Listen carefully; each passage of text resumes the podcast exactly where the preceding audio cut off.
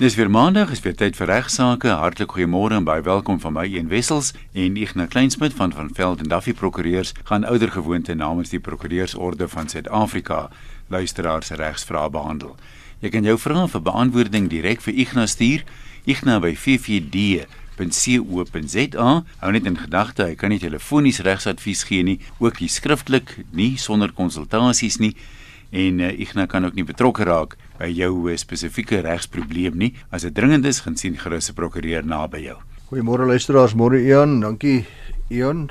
En luisteraars, dankie dat jy luister vandag en die tyd vir ons gee om hooplik 'n uh, advies te kry wat vir u van nut gaan wees. Ek het 'n skrywe ontvang uh, van persoon Hendrikus. Hy skryf as volg. Hy sê ook baie dankie vir die program en hy sê dis van groot waarde vir diens aan die publiek. Dankie daarvoor. Hy glo is in algemene belang om klaarheid te gee oor die wettige gebruik van vuurwapens op kleinhoes. Hy sê waar hy woon, verduidelik waar dit is, hy sê al die plotte is tussen 1 en 2 hektaar groot. amper elke woonhuis is binne 70 meter van 'n ander woonhuis of woonhuise. Dan uh, sê hy ook dat die probleem is dat afgetrede boere en naweekbesoekers vanuit die stad nie bewus is daarvan dat uh, hierdie gebied in spite van die grootte van die plotte wel 'n geboude gebied is in gevolg die wet nie. Die boere beskou hulle plotjie as 'n klein weergawe van hulle plaas en brandsorgloos los op tarantale in die fyntuin, katte in die hoenderhok of trek honde plat wat dit durf waag om die eiendom te betree waar daar skapies mag wees. Naweekbesoekers sê die gewoonte gehad om skuif te skiet na bierblikkies op die werf, verkieslik natuurlik nadat die blikkies leeg gedrink is. Gelukkig het 'n paar suksesvolle vervolgings hierdie gebruik gestaak. Dan sê hy die manne raak vreeslik gekrenk in hulle eer as hulle herinner word dat die wet die gebruik van 'n vuurwapen in 'n geboude gebied verbied. Want elkeen is mos nou uitstekende skit en weet natuurlik wat hy doen. Kan nie vir ons duidelikheid bring, kan nie vir ons sê of 'n persoon sy vuurwapen lisensie kan verloor as 'n buurman kla oor die misbruik van so 'n wapen? Kan die polisie se muur lisensie weier of terugtrek as dit 'n proses wat deur die hof moet gaan? Dan sê dit is baie duidelik hier by platland en 'n plotte in die besonder dat vuurwapen eienaars die potensiële gevaar wat die onverskillige gebruik van hulle kragtige wapens inhou nie besef. En jy weet wat is veral lekker as jy nou kan dooierus vat oor 'n 4x4. Ja, presies. Dan sê op die Kaapse vlaktes word onskuldige persone gereeld gewond of gedood deur dwaalkoels, partymal op afstande van selfs 1 km ver van waar die skoot afgevuur is. Nou ek het hierdie skrywe gestuur aan 'n prokureur daar in, in Rustenburg met die naam van Karel Arnold. Hy's 'n baie bekende op hierdie gebied. Hy's ook voorsitter van 'n wapenvereniging. Karel 'n ware spesialis.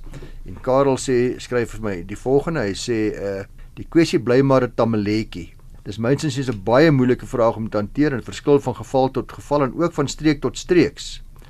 Uh hy sê eerstens waar die gemelde plotte gelees en tweedens interpretasie van die wetgewing deur verskillende polisiebeamptes.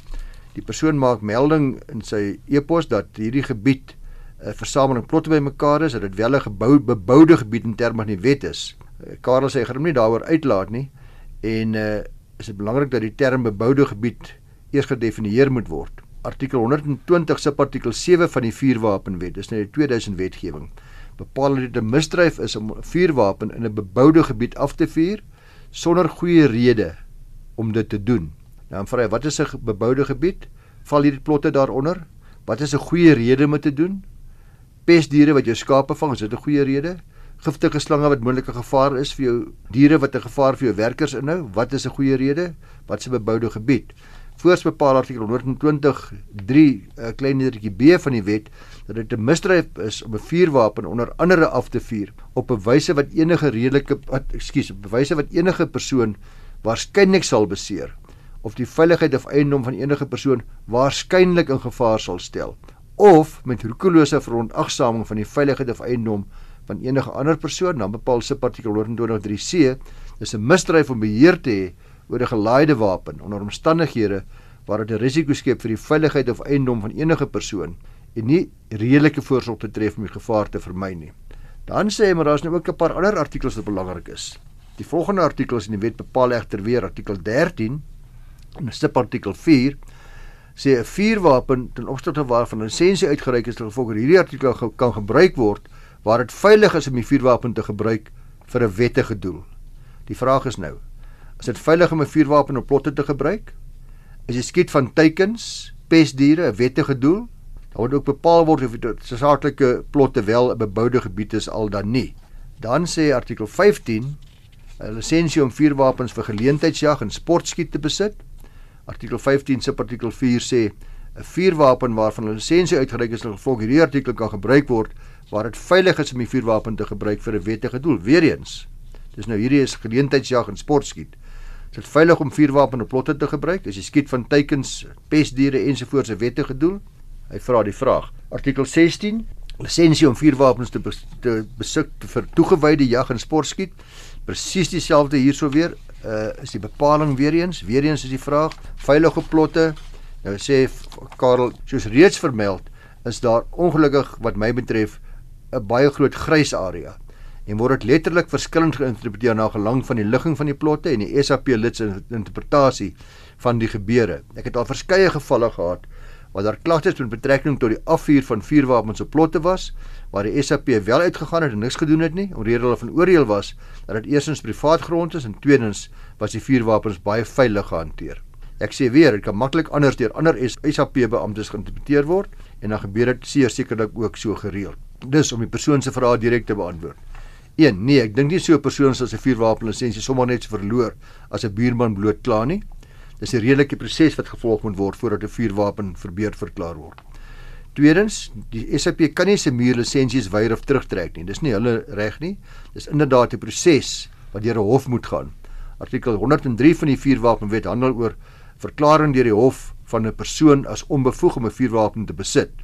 Artikel 103 se artikel 1 sê tensy hof andersins bepaal word 'n persoon onbevoeg om 'n vuurwapen te besit indien hy skuldig bevind word. Dis nou eers belangrik.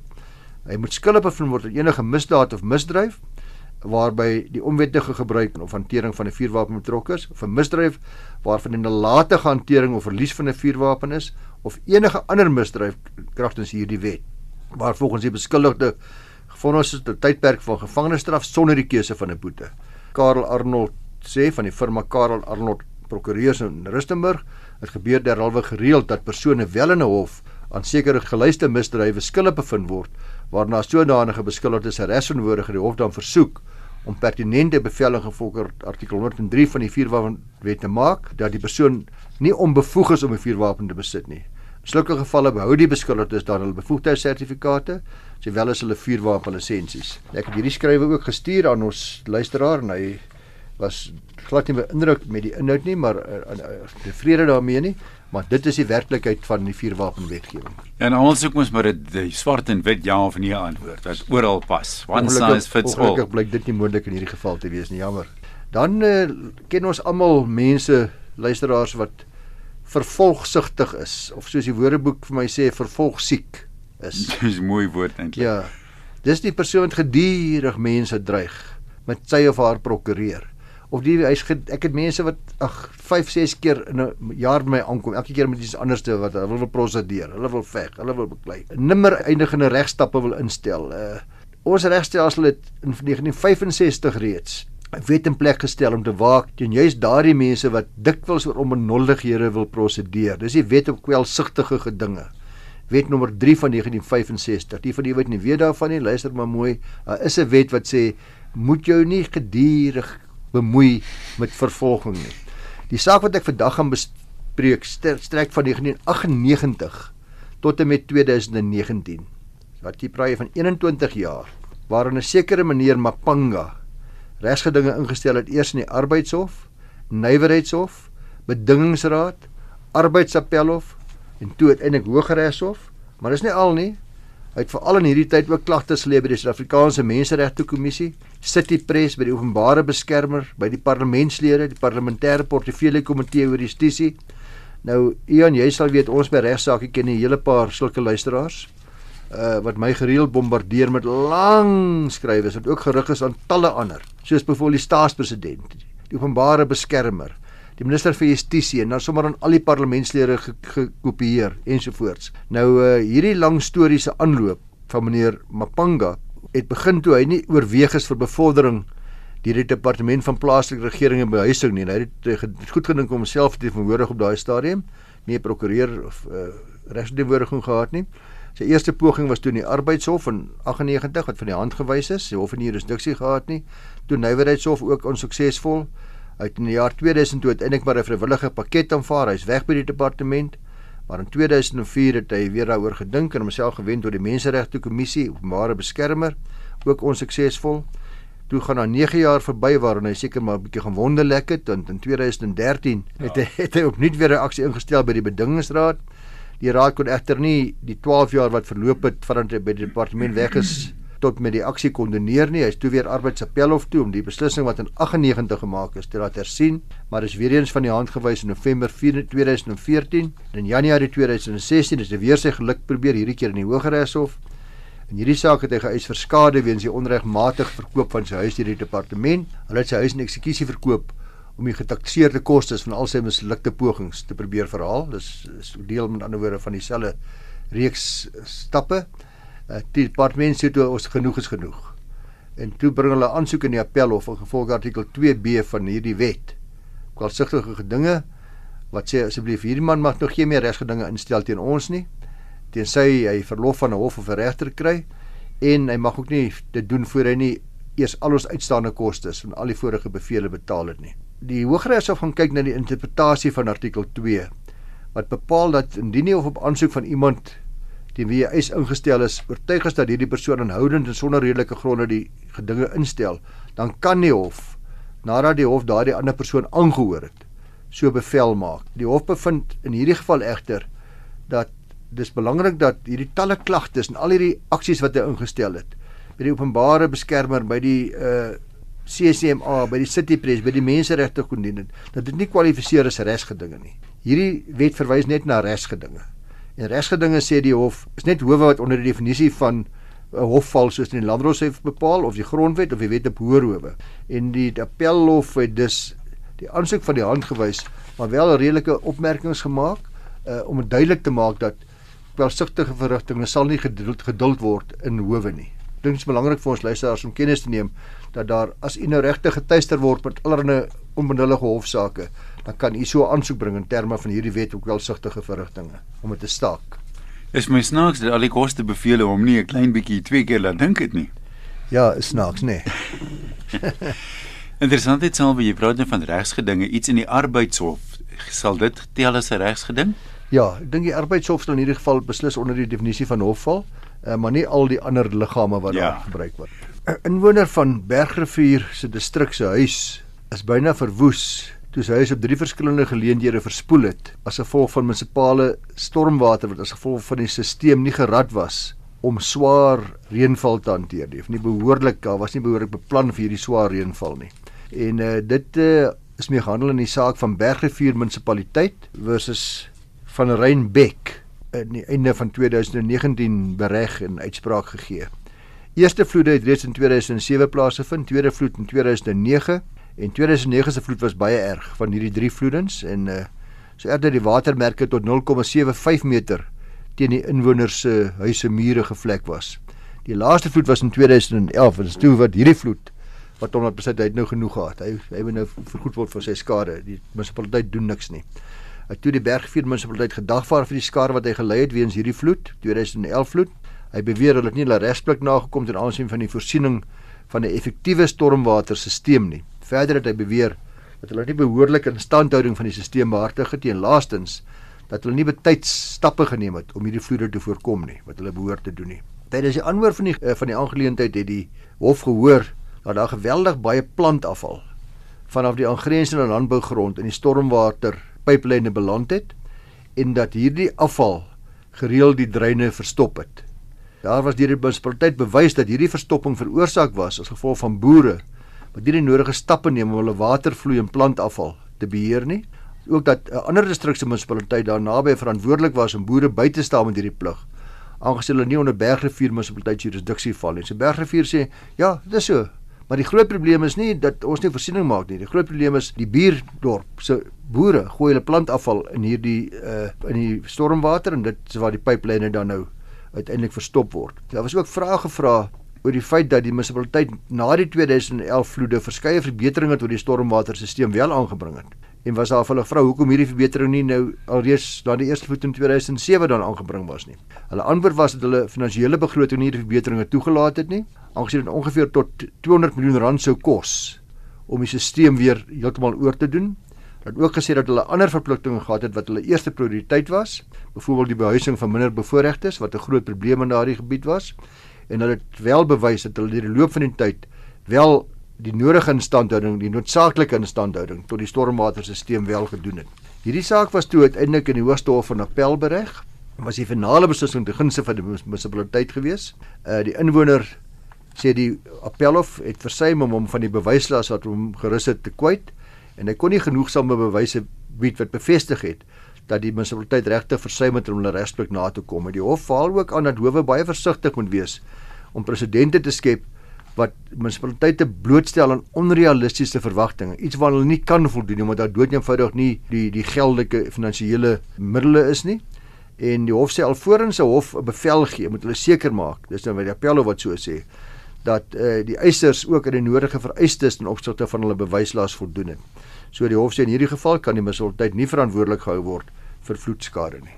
Ja, luister, was een van die meer ingewikkelde eise wat partye te mekaar mag hê, sal jy nou weet in 'n egskeiding is die pensioenfonds en daar's altyd onderhandelinge en reëlings en alles moet met die nodige sorg en vaardigheid gehanteer word wat pensioen betref uh, om te verseker dat die eise afdwingbaar is teen die relevante pensioenfonds. Waar 'n party egter, en dit was 'n probleem tot nou toe, een van die meer as 1.2 miljoen lede van die staatsamptenare se pensioenfonds is, dan is die situasie nog ingewikkelder. So vandag wil ek met julle bespreek die evolusie van hierdie fonds om hulle sodoende ook op die hoogte te bring van die nuutste verwikkelinge want volgens die pensioenfonds wysigingswet van 2007 was dit moontlik vir 'n party met 'n egskeiding wat jy nou eis het teen jou of jou gade se jou voormalige gade se pensioenfonds dan sou die eis egter slegs deur die toepaslike fondse rekords geïndoseer kon word. Jy kon nie nou al die geld kry nie. Jy moes wag totdat dit eendag totdat jou man of jou vrou eendag aftree. Uh, toe is die wet gewysig in 2007, dit was die skoonbreek beginsel wat met eskerings bekend gestel is en toe is dit besluit dat met enige eskering moet die doel tog wees om die partye so gou as moontlik uit mekaar se sakke te kry. Dit mekaar se hare uit te kry eintlik. En nie net sou die pensioenfonds rekords nou geïndiseer word nie, maar die pensioenfonds was toe verplig om onmiddellik die 50% of die persentasie van die ander lidse pensioenfonds aan die voormalige gade uit te betaal. Maar ongelukkig waar sake ingewikkeld raak uh met die staatspensioenfonds, die GEPF, is dat dit was nie op hulle van toepassing nie. In plaas daarvan om bloot die betaling uit die lidse fonds soos op data van egskeiding te laat uh, bewerkstellig, is 'n eggenote van hierdie fonds vergoed deur 'n betaling vanuit die fonds se reserves. En daar's dit is genoem 'n lening teen die lidse pensioenfonds, 'n gunste van die fonds wat geskep is, welke teen uittrede met rente terugbetaalbaar was aan die fonds. Dit het in baie gevalle die vrees geskep dat 'n lid op aftrede kan kom bloot om ingelig te word dat hy geen pensioen kon trek nie, aangesien hy op daardie stadium moet instaan vir daai skuld. Ja. Dit was 'n groot probleem. In wese was hierdie werkswyse totaal teenstrydig met die idee van 'n pensioenfonds en 'n skoonbreek van 'n egskeiding en vele regspraktisyns uh, het by die grondwetlikheid daarvan gestoei en uiteindelik is daarvan kennis geneem van die teenstrydigheid en onlangs op 1 Augustus 2019 is die idee van die sogenaamde eskeringsskuld soos ek nou hierbo bespreek het afgeskaf en sal eise teen die fonds daaronder van 'n eskering nou gereguleer word deur die sogenaamde service reduction model. Nou in gevolg hierdie model sal die lidse pensioendraande diensjare verlaag of aangepas word. Dit sal 'n aktuariële berekening wees, voorsiening te maak vir die bedrag van uit die lidse fonds aan die voormalige gade wat dan dadelik uitbetaal kan word. Hierdie nuwe model word as geen lening teen die lid se fonds geskep nie. Hy kan onmiddellik weer verder met sy pensioenfonds gaan en opbou. Die lid kan self besluit om die maandelikse bydrae te verhoog of te of wat ek nogal ten einde die aanpassing te beperk te verminder. So luisteraars, baie van u wat luister, veral die wat geskei is voor die tyd ook, luister mooi. Dis belangrik uh, vir u wat lede is van die want ek het baie sulke eskerings gedoen wat wat eintlik tot baie groot uh, finansiële probleme gelei het. Die wat reeds 'n kennis 'n egskeiding agter die rug het, neem kennis dat tot en met Mei 2020 uh, het julle die geleentheid om aan te dui of julle ook na die nuwe model wil oorskakel. So jy moet dadelik die pensioenfonds van die voormalige gade of eggenote moet jy dadelik kontak en vra dat jy wil oorskakel as jy by die staatse pensioenfonds was. Indien wel, sal die lening wat dan teen die pensioenfonds lê gekanselleer word en sal die diensjare dien ooreenkomstig aangepas word en indien dan sou dit geen voorkeur spesifiseer of keuse uitoefen nie sal hy of sy nogtans outomaties oorgeskakel word na die nuwe model. So tyd tot die tot einde Mei 2020 om die keuse uit te oefen. As jy geen keuse uitoefen nie, sal hy oorgeskakel word. Ek nou ons het so 6 7 minute oor, so jy kan effens langer een doen as jy wil. Goed, ons het 'n skrywe gekry van 'n mevrou Fortuin. Sy skryf dat haar 13-jarige seun se van wil sy verander. Sy sê sy is al 6 jaar geskei. Sy vertel in baie mooi taal, mooi Afrikaans hoe sleg haar man eintlik is, die voormalige die pa van die kind en hoe sleg hy haar en die kind behandel en uh onder andere betaal hy onderhoud baie ongereeld en sê sy en die kind, hy's nou al 13 jaar oud, nou besluit hy wil nie meer daai van hê nie. Hulle wil hulle van verander en sy vra dan of sy die kind se van kan verander sonder die pa se toestemming. Nou die woord Ngubani beteken wie is jy? En dit handel maar met die regsvraag uh wie is jy? Wie wat is jou van? En kan ek jou van verander sonder die ander ouers se toestemming? En dan was daar 'n mooi artikel in die Rebus ons regstydskrif so jaar of 2 gelede dink in 2018 waar ook na die saak gekyk is van NAV versus MVM die minister van binnelandse sake 'n uh, ongerapporteerde beslissing. Dit het gehandel oor 'n pa van 'n kind uh, wat ook die hof genader het om die eensydige verandering van die van deur die ma te betwis. In daai geval was die feite kortliks as volg: die kind was gebore op 'n tyd toe albei ouers nog goeie vriende was, goeie bande gehad het. Hulle wou nog met mekaar trou. Voor die geboorte van die kind was al 'n bolle onderhandelinge en die pa moes 'n sekere bedrag betaal.